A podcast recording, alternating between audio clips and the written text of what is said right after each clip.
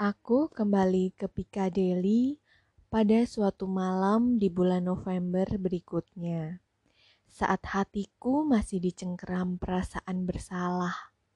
Aku pikir, aku selalu berpikir bahwa akhirnya waktuku sebagai pencuri sudah berakhir.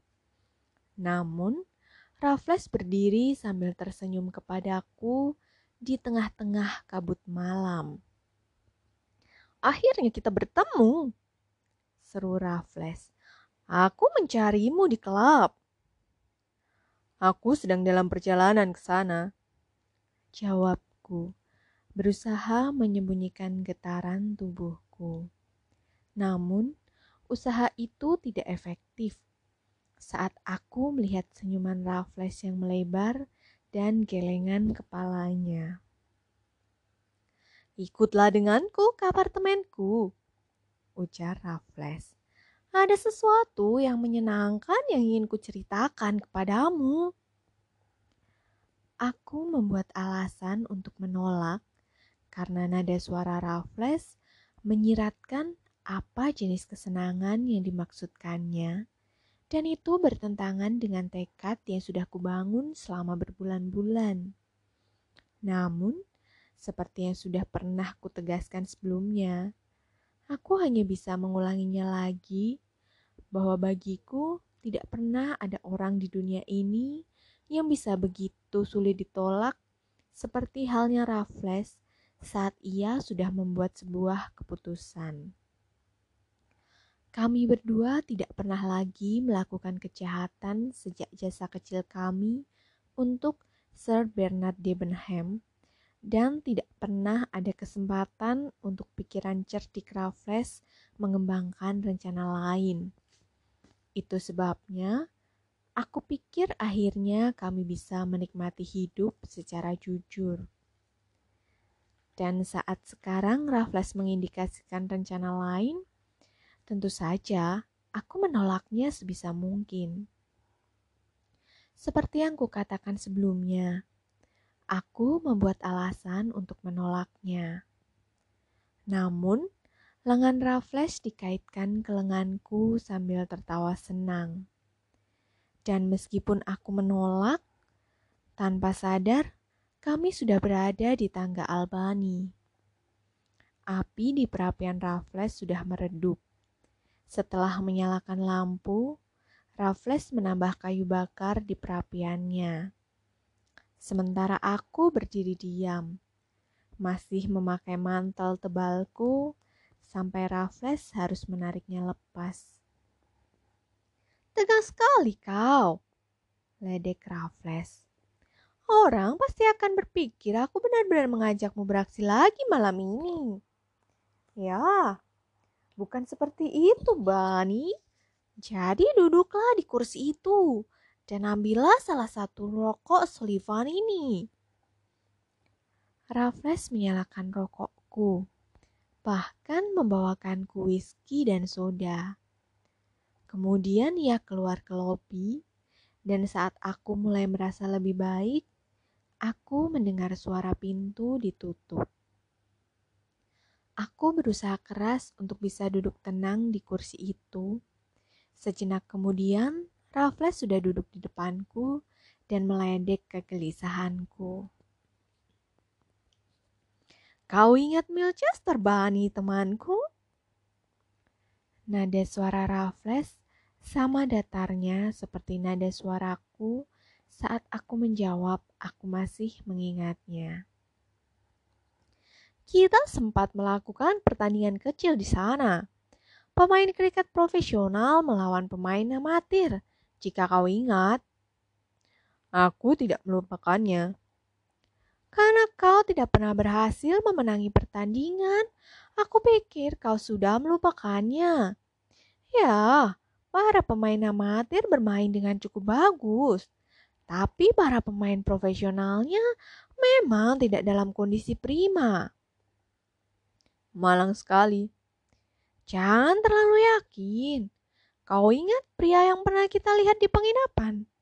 Pria yang mengenakan pakaian berlebihan. Yang ku bilang dia adalah salah satu pencuri paling cerdik di kota ini. Aku masih ingat. Ternyata namanya adalah Krause. Ya, itu nama yang digunakannya saat ditangkap. Jadi anggap saja namanya memang Krause. Kau tidak perlu merasa kasihan padanya, teman. Kemarin sore, dia berhasil melarikan diri dari Dartmoor. Bagus sekali. Raffles tersenyum. Tetapi alisnya terangkat dan begitu pula dengan bahunya. Kau benar, itu bagus sekali. Aku bertanya-tanya, apakah kau sudah membacanya di surat kabar? Di tengah kabut tebal kemarin sore, Krause berhasil menjebol pintu penjara dan melarikan diri tanpa sedikit pun terbuka, terluka. Padahal dia diberondong puluhan peluru. Aku setuju, dia memang layak dikagumi. Seorang pria yang memiliki keberanian sebesar itu memang pantas mendapatkan kebebasan.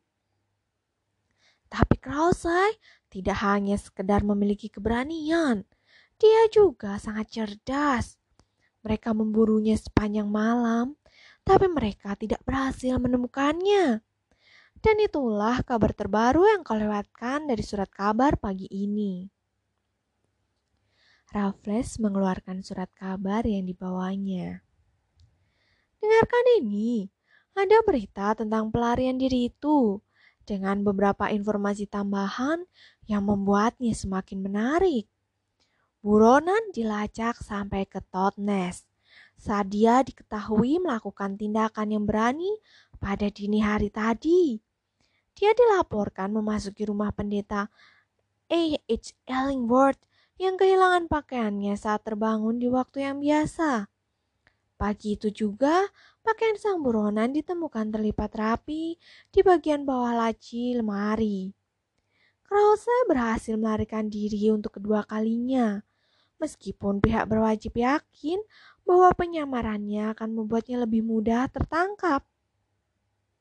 Bagaimana menurutmu, Bani? Yang pasti dia sangat cerdik, kataku mengambil surat kabar itu. Dia lebih dari cerdik, ujar Raffles. Dia seorang seniman, dan aku merasa iri padanya. Pendeta, astaga, cerdik, sangat cerdik. Tapi bukan itu saja. Tadi aku sempat melihat papan pengumuman di klub, dan di sana ada informasi tentang kejahatan yang terjadi di dekat Dowlis seorang pendeta ditemukan pingsan di tengah jalan. Itu pasti perbuatan Krause. Surat kabar tidak mengatakan demikian. Tapi jelas sekali pasti dia pelakunya. Dia memukul pendeta itu sampai pingsan, berganti pakaian lagi, dan dengan santai datang ke kota. Bukankah itu hebat? Aku yakin itu tindakan paling cerdik yang pernah dilakukan seorang kriminal. Tapi mengapa dia datang ke kota? Seketika itu juga antusiasme lemah lenyap dari wajah Raffles. Jelas sekali aku telah mengingatkannya pada masalah penting lain yang terlupakan akibat kekagumannya terhadap tindakan Krause. Sebelum menjawab, Raffles menoleh dari atas bahunya ke arah lobi. Aku yakin, ujar Raffles. Pengemis itu mengikutiku. Saat berbicara, Raffles terlihat seperti dirinya sendiri lagi. Riang, sinis, tenang. Jelas sekali sangat menikmati situasi ini dan keterkejutanku. Tapi apa maksudmu? Tanyaku. Apa yang diketahui Krause tentang dirimu? Tidak banyak, tapi dia mencurigaiku. Mengapa dia mencurigaimu? Karena dengan caranya sendiri, ia hampir sama hebatnya sepertiku. Karena Bani temanku, dengan matanya yang tajam dan otaknya yang cerdas, dia tidak bisa mencegah dirinya merasa curiga. Dia pernah melihatku di kota bersama si tua Bright. Dia pasti melihatku hari itu di pub dalam perjalanan ke Milchester dan dia, dan juga setelahnya di lapangan kriket. Sejujurnya, aku tahu dia memang mencurigaiku karena dia menulis surat untuk mengatakannya kepadaku sebelum proses pengadilannya. Dia menulis surat kepadamu dan kau tidak pernah mengatakannya kepadaku. Jawaban Raffles hanyalah berubah bahu yang terangkat. Apa gunanya teman baikku? Itu hanya akan membuatmu khawatir. Well, apa yang dikatakannya dalam surat itu? Bahwa dia menyesal dia tertangkap sebelum sempat kembali ke kota karena dia merasa akan menjadi suatu kehormatan untuknya jika bisa mengunjungiku.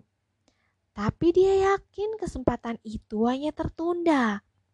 Dan dia memohon kepadaku untuk tidak tertangkap sampai dia berhasil keluar dari penjara. Tentu saja dia tidak tahu kalau Lady Melrose hilang, tapi dia tidak mengambilnya. Dia bilang orang yang berhasil dan mengambilnya dan pergi tanpa dicurigai adalah orang yang sangat cerdas dan dia juga mengajukan penawaran khusus untuk rencana di masa depan yang sepertinya tidak akan terlalu lama lagi. Aku terkejut dia belum juga muncul sampai saat ini. Raffles menoleh lagi ke lobi yang dibiarkannya dalam keadaan gelap dengan pintu tertutup rapat. Aku bertanya kepadanya apa yang hendak dilakukannya. biarkan dia mengetuk pintu. Jika dia berhasil sampai sejauh itu, aku sudah meminta penjaga pintu untuk mengatakan aku sedang pergi keluar kota. Dan memang itu yang akan kulakukan sekitar sejam lagi. Kau akan pergi malam ini? Dengan kereta pukul 7.15 dari Liverpool Street. Aku tidak banyak bercerita tentang keluargaku, Bunny tapi aku punya saudara perempuan yang menikah dengan pendeta di desa wilayah timur. Mereka selalu menyambut kedatanganku dan membiarkan aku membaca buku-buku keagamaan karena mereka ingin aku menjadi pendeta juga. Aku menyesal kau tidak akan ada di sana untuk mendengarku memberikan khotbah minggu, Bani. Aku merencanakan beberapa aksiku di sana dan tidak ada tempat yang lebih baik lagi untuk mengasingkan diri. Tapi aku harus segera berkemas. Aku pikir sebaiknya aku mengatakan kepadamu ke mana dan aku akan pergi mengapa. Sekedar berjaga-jaga jika kau mencariku. Raffles melemparkan puntung rokoknya ke perapian, merenggangkan tubuh saat berdiri dari kursinya, dan berdiri diam untuk waktu yang sangat lama hingga membuat mataku beralih dari tubuh ke wajahnya. Sejenak kemudian, mataku mengikuti arah pandangan mata Raffles ke seberang ruangan dan begitu pula dengan kakiku. Di ambang pintu yang memisahkan antara ruang santai dan kamar tidur, berdiri seorang pria dengan pakaian kekecilan. Dan pria itu membungkuk pada kami sampai puncak kepalanya yang tertutup rambut merah terlihat jelas. Meskipun aku hanya sebentar merasakan keterkejutan akibat kedatangan tamu yang sangat mendadak, bagi Raffles sedikit waktu itu sudah cukup untuk mendapatkan kembali ketenangan dirinya. Saat mataku beralih lagi ke Raffles, tangannya sudah dimasukkan ke saku dan senyumannya tersungging lebar.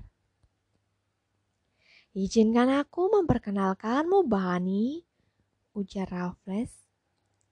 Pada kolega kita yang terkenal, Mr. Reginald Krause. Kepala berambut merah itu terangkat dan tampak kening berkerut di atas wajah kemerahan yang tercukur rapi seperti yang masih bisa kuingat dengan jelas. Namun, aku menyadari tidak ada kebetulan di sini. Aku bisa memahami segalanya sekarang. Dan aku berbalik ke Raffles sambil mengumpat. Ini sebuah trik, tegasku. Ini salah satu trik terkutukmu. Kau yang membawanya ke sini. Dengan begitu kau bisa menyeretku ke dalam rencanamu. Kau ingin aku bergabung denganmu kan? Terkutuklah kau. Ledakan amarahku hanya direspon dengan tatapan dingin Raffles, hingga membuatku merasa malu dengan kata-kataku sendiri begitu kata-kata itu terlontar dari bibirku. Kau sungguh berpikir begitu, Bani? Ujar Raffles sambil mengangkat bahu. Astaga, seru Krause. Dia tidak tahu apa-apa. Dia tidak sedang menunggu kedatanganku. Dan kau, kau memang cerdas. Lanjut Krause pada Raffles. Aku sudah tahu itu, tapi aku merasa bangga bisa bertemu denganmu. Dan Krause mengulurkan tangannya pada Raffles. Tentang itu, kata Raffles menerima uluran tangan Krause.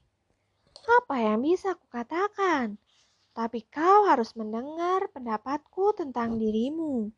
Akulah yang merasa bangga hingga bisa berkenalan denganmu. Bagaimana caramu masuk ke sini?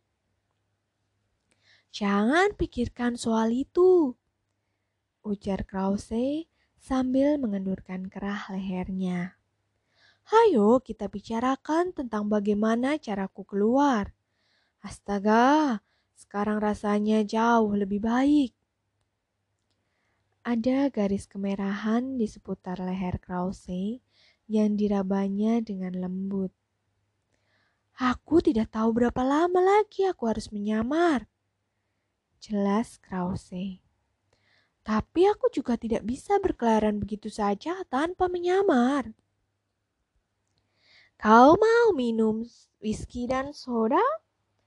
Tanya Raffles saat Krause duduk di kursi yang sudah kutinggalkan. Tidak, aku meminum whisky tanpa dicampur jawab Krause. Tapi sebaiknya kita terlebih dulu membicarakan soal bisnis. Kau tidak akan bisa mengalihkan perhatianku begitu saja. Baiklah, kalau begitu, apa yang bisa kulakukan untukmu?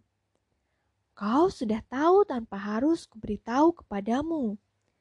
Sebutkan saja. Aku ingin jejak yang bersih dan aku serahkan caranya kepadamu. Kita saudara sepenanggungan, meskipun kali ini hanya aku yang sedang tertimpa masalah. Kau sangat cerdas, jadi sebenarnya aku tidak perlu menjelaskannya kepadamu. Sebagai saudara, kau harus membantuku. Anggaplah seperti itu. Kau harus membantuku dengan caramu sendiri. Terserah cara apa yang ingin kau pakai. Nada suara Krause kental dengan permohonan dan kepasrahan. Krause membungkuk dan membuka sepatu bot dari kakinya yang dijulurkan ke arah perapian sambil menggerak-gerakkan jari kakinya yang beku. Aku harap Kau punya sepatu dengan ukuran yang lebih besar dari itu. Ujar Krause. Aku tahu pas, aku tahu kau pasti mengizinkan aku bersantai di sini sejenak. Aku berada di sini tidak lama sebelum kau datang. Dan kau tidak mau mengatakan kepadaku bagaimana caranya kau bisa masuk ke sini. Apa gunanya? Aku tidak bisa mengajarkan apa-apa kepadamu. Lagi pula aku ingin keluar. Aku ingin keluar dari London, dari Inggris, bahkan jika bisa dari benua Eropa. Hanya itu yang kuinginkan darimu, mister. Aku tidak bertanya bagaimana caramu menjalankan aksimu. Kau tahu dari mana aku berasal karena aku pernah mendengarmu mengatakannya. Kau tahu ke mana aku ingin pergi karena aku baru saja mengatakannya kepadamu. Detailnya aku serahkan sepenuhnya kepadamu. Kalau begitu, ujar Raffles, kita harus melihat dulu apa saja yang bisa dilakukan. Itu benar, jawab Krause sambil bersandar dengan santai dan mulai menggoyangkan ibu jarinya yang gemuk. Raffles berbalik kepadaku dengan mata berkilat, tetapi keningnya berkerut dan tekad yang bercampur dengan kepasrahan tampak di garis mulutnya. Dan Raffles bicara seolah kami hanya berdua di ruangan itu. Kau bisa menilai situasinya, Bani? Teman kita ini tersudut, begitu istilahnya. Dan dia bermaksud untuk membongkar rahasia kau dan aku. Dia cukup pengertian untuk tidak mengucapkan terlalu banyak kata. Tapi maksudnya sangat jelas. Aku pun akan melakukan hal yang sama jika aku berada dalam posisinya. Sebelumnya kita yang mendapatkan masalah. Sekarang gilirannya. Itu hal yang sangat wajar. Kita harus melakukannya. Kita tidak berada dalam posisi untuk menolaknya. Bahkan sekalipun kita tidak bisa menolaknya. Aku tidak mau. Teman kita ini orang yang hebat. Dia berhasil melarikan diri dari Dartmouth. Akan sayang sekali jika kita membiarkannya di penjara lagi di sana. Tapi dia tidak akan kembali ke penjara jika aku bisa memikirkan cara untuk menyelundupkannya ke luar negeri. Dengan cara apa pun yang kau suka. Gumam Krause dengan mata terpejam. Aku menyerahkan skalanya kepadamu. Tapi kau harus bangun dan mengatakan beberapa hal pada kami. Baiklah, mister, tapi aku sangat butuh tidur. Krause berdiri sambil mengerjapkan mata. Kau pikir kau berhasil dilacak hingga ke kota ini? Pasti begitu. Dan ke sini. Rasanya tidak dengan kabut yang setebal itu. Raffles beranjak ke kamar tidur menyalakan lampu, dan kembali beberapa saat kemudian. Jadi, kau masuk melalui jendela. Itu benar. Cerdas sekali kau bisa tahu yang mana jendela kamarku. Dan kau juga berani menyelinap masuk ke sini pada tengah hari, tidak peduli ada kabut atau tidak. Tapi tidak usah membahas masalah itu. Apakah menurutmu ada orang melihatmu datang ke sini? Aku rasa tidak, Sir. Kalau begitu, kami harap kau benar. Aku akan melakukan pengintaian, dan sebentar lagi aku akan tahu apakah kau benar-benar tidak diikuti. Dan sebaiknya kau ikut denganku, Bani. Kita bisa makan sesuatu untuk membahasnya. Saat Raffles menoleh ke arahku, aku menoleh ke Krause, mengantisipasi datangnya masalah. Dan masalah itu datang dalam bentuk ekspresi wajah Krause yang marah, mata yang berkilau tajam, dan tangan yang tiba-tiba terkepal. Dan bagaimana denganku? Teriak Krause dengan sengit. Kau tunggu kami di sini. Tidak, aku tidak mau. Geram Krause dan dalam sekejap ia sudah menghalau pintu. Kau tidak bisa menipuku begitu saja, keparat. Raffles berbalik kepadaku sambil mengangkat bahu. Itu hal yang paling buruk dari para pencuri profesional. Ujar Raffles.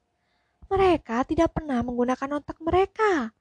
Jika mereka melihat masalah, mereka akan langsung menghancurkannya, dan mereka berpikir kita sama dengan mereka. Tidak heran kita berhasil mengalahkan mereka dalam aksi terakhir kita. Jangan berbisik-bisik, bentak Krause. Bicara yang jelas, sialan. Baiklah, ujar Raffles. Aku akan berbicara sejelas yang kau inginkan. Kau bilang kau memasrahkan dirimu di tanganku. Kau menyerahkan segalanya kepadaku. Tapi kau tidak sedikit pun mempercayaiku. Aku tahu apa yang terjadi jika aku gagal. Aku bersedia menerima resikonya. Aku bersedia membantumu. Tapi kau justru berpikir aku akan melaporkanmu pada polisi dan membuatmu mengadukanku sebagai balasannya. Kau sangat bodoh, Mr. Krause. Meskipun kau berhasil melarikan diri dari Dartmoor. Kau harus bisa mendengarkan orang yang memiliki rencana yang lebih baik darimu dan mematuhinya. Aku akan membantumu dengan caraku sendiri, atau tidak sama sekali. Aku bisa datang dan pergi sesuka hatiku, dan dengan siapa pun yang kuinginkan, tapi ha tanpa harus minta izin dulu darimu. Kau harus tetap di sini dan bersembunyi sebaik mungkin Bersikaplah bijaksana dalam situasimu yang sudah terjepit. Dan serahkan semuanya kepadaku. Jika kau tidak mau, jika kau cukup bodoh untuk tidak mempercayaiku, pintunya ada di sana. Keluarlah dan katakan apa pun yang kau inginkan. Persetan denganmu. Krause menepuk pahanya. Kau pintar bicara, ujar Krause. Astaga, aku tahu di mana posisiku jika kau berbicara seperti itu. Aku akan mempercayaimu. Aku tahu bagaimana ciri orang yang jujur, dan kau terlihat jujur. Tapi aku tidak bisa berkata banyak tentang pria yang satu lagi. Meskipun aku pernah melihatnya bersamamu dalam aksimu di luar kota. Jika dia memang temanmu, Mr. Raffles, aku akan mempercayainya juga. Aku hanya berharap kalian tidak terlalu kurus. Dan Krause menyentuh sakunya dengan wajah sedih. Aku menyakiti orang hanya untuk merebut pakaian mereka, ujar Krause. Tapi aku tidak perlu melakukannya lagi jika aku bisa mendapatkan pakaian yang pas. Tidak masalah, kata Raffles. Kami akan memastikan kau pergi dengan pakaian yang pantas. Serahkan saja semuanya pada kami, dan kau duduklah dengan santai. Benar, cetus Krause. Dan aku akan tidur selama kalian pergi. Tapi aku tidak akan minum minuman beralkohol. Tidak, terima kasih. Jangan sekarang. Nanti saja setelah aku berada di luar negeri. Dan aku harap itu akan segera terlaksana. Raffles mengambil mantelnya yang panjang, dan saat ia memakainya, Krause sudah tertidur pulas di kursi. Kami meninggalkannya sedang mengikau tidak jelas dengan lampu dimatikan dan kaki telanjangnya terpanggang di depan perapian. Dia tidak terlalu buruk, komentar Raffles di tangga. Penjahat yang jenius dengan caranya sendiri, meskipun metodenya terlalu dangkal untuk seleraku. Tapi teknik bukanlah segalanya berhasil melarikan diri dari Dartmoor dan sampai ke Albany dalam waktu 20 jam sudah menjadi prestasi tersendiri. Astaga! Kami melewati seorang pria di halaman yang berkabut dan Raffles menyenggol lenganku. Siapa itu?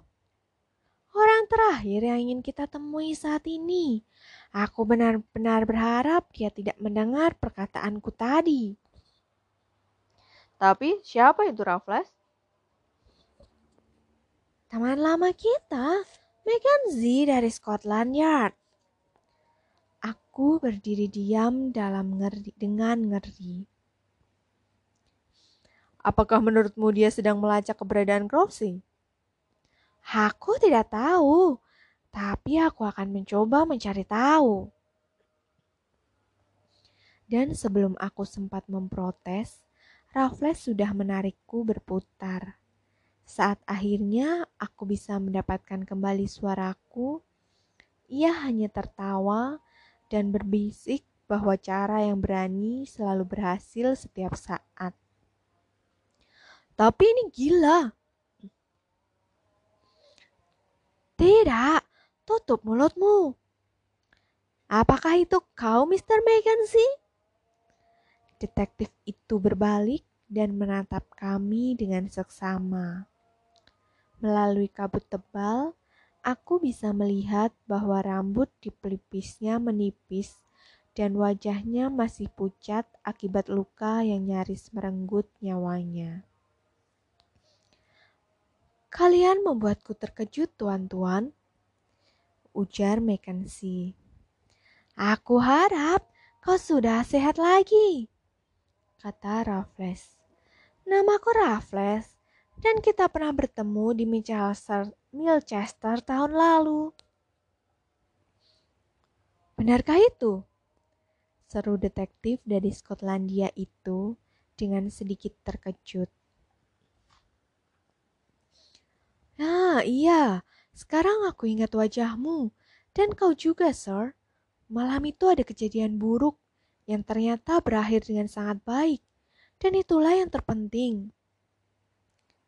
Logat asli Mackenzie keluar lagi. Raffles mencubit lenganku. Iya, akhirnya memang sangat baik, tapi tidak untukmu, kata Raffles. Tapi bagaimana dengan pemimpin geng yang melarikan diri? Penjahat yang bernama Krause? Bagaimana pendapatmu soal itu? Aku tidak punya pendapat khusus, jawab Mackenzie. Bagus, seru Raffles. Aku hanya takut kau akan terluka lagi saat mencoba melacaknya. Mackenzie menggelengkan kepalanya sambil tersenyum dan mengucapkan selamat malam kepada kami. Tidak lama kemudian, jendela yang kasat mata ditarik turun dan suara peluit terdengar di antara kabut tebal. Kita harus menyelidikinya, bisik Raffles. Tidak ada yang lebih alami daripada sedikit rasa penasaran. Ikuti dia, cepat dan kami mengikuti detektif itu ke pintu lain di gedung yang sama dengan tempat kami keluar tadi. Dengan sisi bagian kiri mengarah ke Piccadilly. Kami mengikuti Mackenzie secara terbuka. Dan di depan tangga, kami bertemu dengan salah satu penjaga pintu tempat itu. Raffles bertanya kepadanya apa yang terjadi. Tidak ada apa-apa, sir. Ujar penjaga pintu itu dengan gugup. Omong kosong, seru Raffles. Yang baru saja datang adalah Mackenzie, detektif dari Scotland Yard. Aku baru saja bicara dengannya di halaman. Mengapa dia datang ke sini? Ayolah temanku yang baik. Kami tidak akan mengadukanmu jika kau diperantahkan untuk tidak mengatakannya pada siapa pun. Penjaga pintu itu terlihat gelisah, bimbang antara rasa takut dan godaan untuk menceritakan apa yang terjadi. Terdengar suara pintu tertutup di atas, dan penjaga pintu itu tidak tahan untuk tidak bercerita. Kejadiannya seperti ini, bisik penjaga pintu itu. Sore ini ada seorang pria yang datang untuk menyewa kamar dan aku membawanya ke kantor. Salah satu pelayan membawanya berkeliling untuk menunjukkan kamar yang masih kosong. Dan pria itu memilih kamar yang saat ini didatangi para polisi. Lalu pria itu meminta pelayan tadi memanggilkan manajer karena ada beberapa hal yang ingin dibicarakannya. Saat mereka kembali ke kamar, pria itu sudah tidak ada. Pria itu lenyap bagaikan ditelan bumi. Lalu, tanya Raffles. Lalu, sir, mereka mencari ke sekeliling. Dan akhirnya mereka menyerah karena tidak bisa menemukannya di mana-mana. Mereka pikir pria itu berubah pikiran dan tidak mau memberi tip pada pelayan yang sudah menunjukkan kamar. Jadi dia pergi begitu saja. Akhirnya mereka menutup pintu kamar dan pergi. Dan tidak ada yang terjadi sampai setengah jam yang lalu saat aku membawakan surat kabar untuk manajer. Sekitar 10 menit kemudian, dia berlari turun sambil membawa pesan dan mengirimku untuk menyampaikan pesan itu ke Scotland Yard. Hanya itu saja yang ku tahu, sir. Sungguh. Sekarang polisi ada di atas bersama manajer dan mereka berpikir pria itu masih ada di suatu tempat di sini. Setidaknya begitulah yang ku dengar. Tapi siapa dia dan apa yang mereka inginkan darinya, aku sama sekali tidak tahu. Menarik sekali. Aku akan naik untuk bertanya lebih lanjut. Ikutlah denganku, Bani. Pasti akan menyenangkan. Maaf, Mr. Raffles, tapi Anda tidak akan mengatakan apa pun tentang aku, kan? Tidak akan. Kau orang yang baik. Aku tidak akan melupakan jasamu jika ini mengarah ke sesuatu yang menarik. Menarik. Bisik Raffles saat kami menaiki tangga. Kelihatannya ini akan menjadi masalah untukku dan untukmu, Bani. Apa yang akan kau lakukan? Aku tidak tahu. Tidak ada waktu untuk berpikir. Tapi pertama-tama kita harus melakukan ini dan Raffles mengetuk pintu yang tertutup. Seorang polisi membukanya. Raffles berjalan masuk melewati polisi itu dengan keangkuhan seorang komandan polisi dan aku mengikuti sebelum polisi tadi pulih dari keterkejutannya. Lantai papan berdiri di bawah kaki kami. Di kamar itu, kami menemukan polisi berkerumun di depan jendela dengan membawa lentera polisi. Mackenzie yang pertama berbalik dan ia menyapa kami dengan pelototan mata. Boleh aku bertanya, apa yang kalian lakukan? Tanyanya. Kami ingin membantu, tegas Raffles. Kami pernah membantumu sebelumnya. Bahkan temanku ini membantumu meringkus penjahat dan menahannya sementara kau mengejar kawanan yang lain. Dan rasanya wajar jika kau membalas jasa dengan membiarkan kami melihat apa yang terjadi. Sementara untukku sendiri, ya memang benar aku hanya membantu menggotongmu masuk ke rumah. Tapi demi pertemanan lama kita, Mr. Mackenzie, aku harap kau akan mengizinkan kami ikut menyaksikan proses penyelidikan ini. Aku sendiri hanya akan di sini selama beberapa menit. Kalau begitu, tidak banyak yang bisa kau lihat, ujar detektif itu. Karena pria itu tidak ada di sini. Petugas, kau pergilah dan berjaga di depan tangga. Dan jangan biarkan siapa pun datang ke sini dengan alasan apa pun. Kedua pria ini sudah terlanjur datang dan mungkin mereka bisa membantu kita. Kau baik sekali, Mackenzie, seru Raffles dengan hangat. Tapi itu saja, aku sudah bertanya pada penjaga pintu yang kutemui di bawah. Tapi aku tidak bisa mendapatkan informasi apa pun darinya, kecuali ada seseorang yang datang ke sini untuk melihat-lihat kamar dan tidak terlihat lagi setelahnya. Pria itu adalah buronan kami, ujar Mackenzie. Dia bersembunyi di suatu tempat di gedung ini. Apakah kau tinggal di Albany, Mr. Raffles? Iya. Apakah kamarmu ada di dekat sini? Di lantai lain. Kau baru saja meninggalkan kamarmu? Baru saja. Apakah kau berada di kamarmu sepanjang siang? Tidak. Kalau begitu, aku harus memeriksa kamarmu, sir. Aku akan memeriksa setiap kamar di Albany. Sepertinya buronan kami datang ke sini untuk bersembunyi. Tapi kecuali dia meninggalkan lebih banyak jejak di luar daripada di dalam, atau kami menemukannya di sini, aku akan menggeledah setiap inci gedung ini. Aku akan meninggalkan kunci kamarku untukmu, jawab Raffles dengan cepat. Aku hendak pergi makan malam di luar tapi aku akan meninggalkan kunciku pada petugas di bawah. Aku menahan nafas dengan terpengarah, terperangah. Apa maksud dibalik janji gila itu? Tindakan Raffles sama saja dengan bunuh diri, hingga membuatku menarik lengan mantelnya dengan ekspresi takut dan marah. Namun, sambil mengucapkan terima kasih, Mackenzie sudah beranjak ke jendela dan kami bergeser ke pintu yang membatasi ruangan. Di tempat ini, jendelanya mengarah ke halaman masih dalam keadaan terbuka.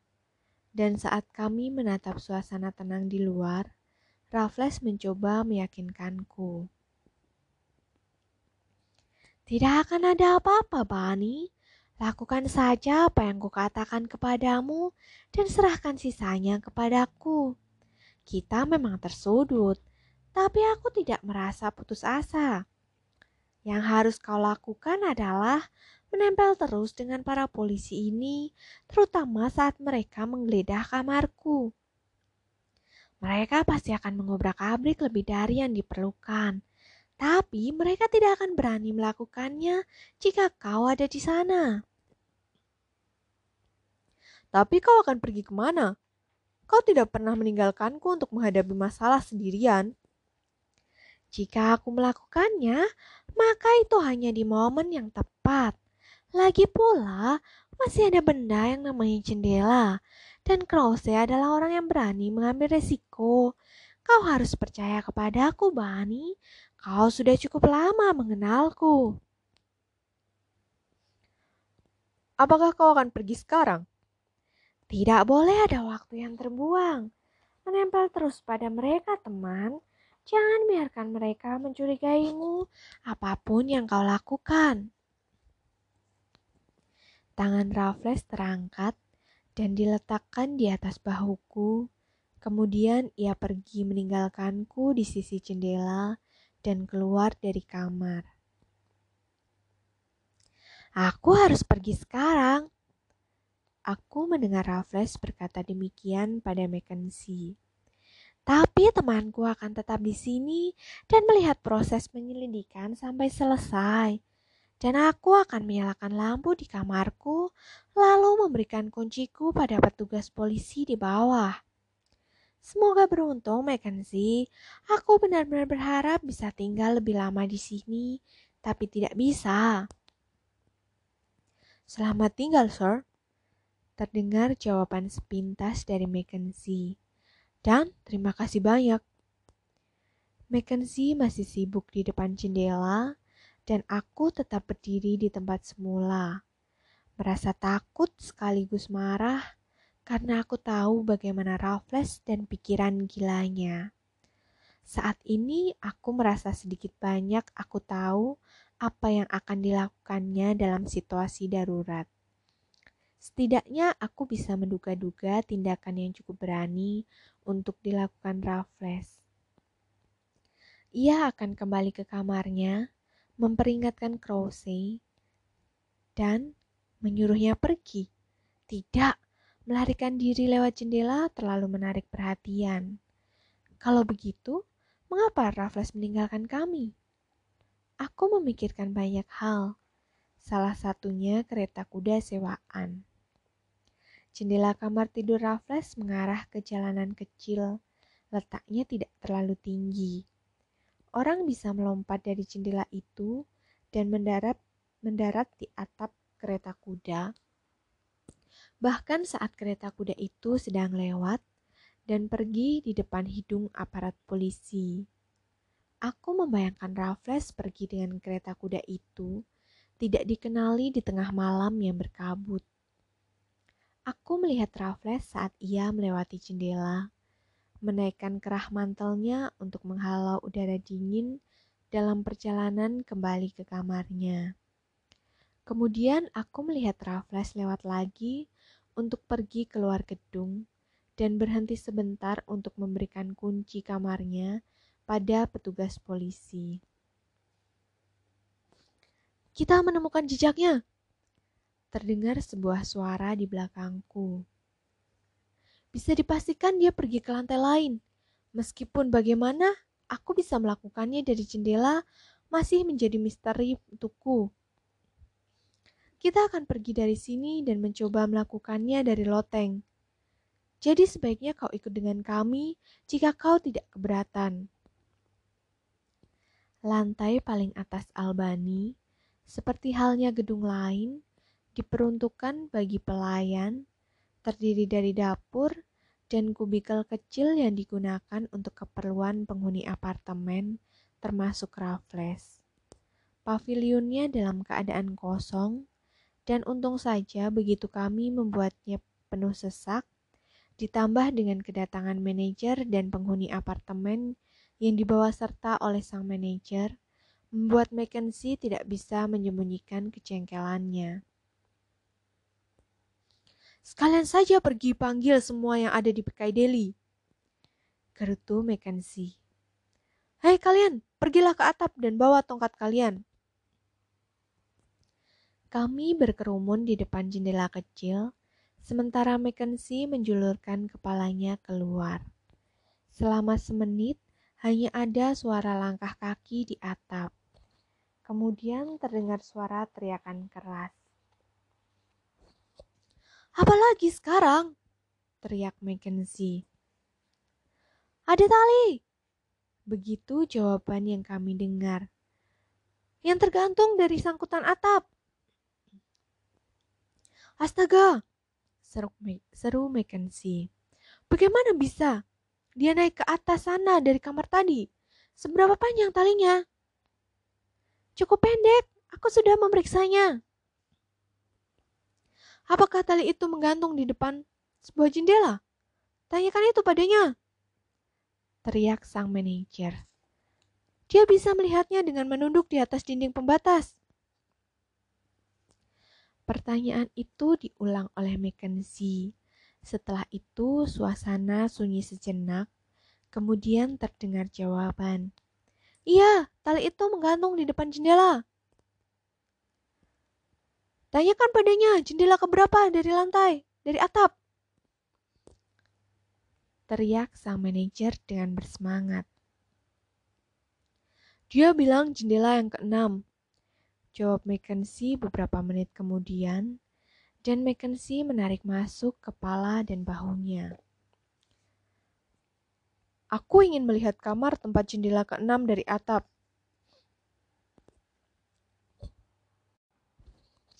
Itu kamar Mr. Raffles, ujar sang manajer setelah menghitung dalam hati. Benarkah itu? teriak Mackenzie. Kalau begitu, kita tidak akan kesulitan masuk ke kamar itu. Mr. Raffles meninggalkan kuncinya pada petugas polisi di bawah. Nada suara Mackenzie terdengar syarat akan kecurigaan yang membuatku semakin gelisah karena seolah-olah Mackenzie tidak menganggapnya sebagai suatu kebetulan. Di mana Mr. Raffles? Tanya manajer saat kami semua turun ke lantai bawah. Dia pergi keluar untuk makan malam, jawab Mackenzie. Apakah kau yakin? Aku melihatnya pergi, kataku. Jantungku mulai berdetak cepat. Aku tidak bisa mempercayai diriku untuk bicara lagi. Namun, aku bergegas mengikuti mereka menuju kamar Raffles. Bahkan aku menjadi orang kedua yang melewati ambang pintu kamar. Saat aku masuk ke dalam, aku memekik kesakitan karena tiba-tiba saja Mackenzie melangkah mundur dan menginjak kakiku. Sejenak kemudian, aku mengetahui alasannya dan aku berteriak lebih keras lagi. Seorang pria tergeletak di depan perapian dengan luka kecil di keningnya dan darah mengalir ke matanya. Dan pria itu adalah Raffles sendiri. Bunuh diri, ujar Mackenzie dengan tenang. Tidak, di dekatnya ada tokat perapian. Kemungkinan besar ini pembunuhan. Mackenzie berlutut di samping Raffles dan menggelengkan kepalanya dengan ceria. Dan ini bahkan bukan pembunuhan, seru Mackenzie dengan suara muak yang tidak berusaha disembunyikannya. Lukanya tidak berbahaya, dan aku ragu itu yang membuatnya tidak sadarkan diri. Tapi sepertinya aku mencium bau kloroform. Kemudian Mackenzie berdiri dan menatapku dengan mata abu-abunya yang tajam. Mataku sendiri sudah dipenuhi air mata, tapi tanpa gentar balas menatap Mackenzie. Bukankah tadi kau mengatakan kau melihatnya pergi keluar? Tanya Mackenzie dengan suara tajam. Aku melihat seseorang memakai mantel panjangnya, jadi tentu saja aku pikir itu dia. Dan kau yakin sekali itu memang dia saat dia menyerahkan kunci kamarnya kepadaku. Itu adalah suara ketakutan polisi, petugas polisi yang berada di belakang kami. Petugas itu terlihat pucat pasi. Kau melalaikan tugasmu, dasar polisi bodoh. Bentak Mackenzie. Berapa nomor identitasmu? P34 kau akan mendapat hukuman atas kelalaianmu, Mr. P34. Jika Mr. Raffles mati dan bukannya sadarkan diri selama aku bicara, kau tahu bagaimana nasibmu? Kau akan dianggap bertanggung jawab atas kematiannya. Dasar orang tidak berguna. Apakah kau tahu siapa yang telah kau biarkan lolos? Krause! Kemarin dia baru saja melarikan diri dari Dartmoor. Demi Tuhan yang menciptakanmu, Mr. P34, jika aku sampai kehilangan Krause, aku akan memecatmu dari kepolisian. Aku melihat sisi baru Mackenzie, sisi yang harus kuingat selalu agar aku berhati-hati terhadapnya. Sejenak kemudian, Mackenzie berlalu pergi dari hadapan kami. Sangat sulit memecahkan kepalamu sendiri, ujar Raffles kemudian. Masih jauh lebih mudah menggorok lehermu sendiri lain halnya dengan kloroform. Saat kau menggunakannya pada orang lain, kau tahu dosis yang tepat. Jadi aku benar-benar berpikir, jadi aku benar-benar berpikir aku mati. Bani yang malang. Tapi aku harap Mackenzie melihat wajahmu seperti itu. Dia melihatku, jawabku. Namun aku tidak mengatakan pada Raffles apa saja yang dilihat Mackenzie di wajahku. Bagus, aku tidak akan membiarkannya melewatkan ekspresi wajahmu saat itu. Dan kau tidak boleh menyalahkan aku, teman. Aku hanya melakukannya karena aku takut Mackenzie akan curiga. Dan aku tahu kita akan tenggelam atau berenang bersama. Dan sekarang kita tenggelam atau berenang bersama Krause juga kataku dengan murung. Bukan kita, ujar Raffles dengan yakin. Krause adalah orang yang tahu balas budi, dan dia pasti bersedia membantu kita seperti halnya kita membantunya. Lagi pula, masalah ini memberikan pelajaran berharga kepada kita. Dan aku tidak yakin Bani kita akan bertemu dengan Krause lagi.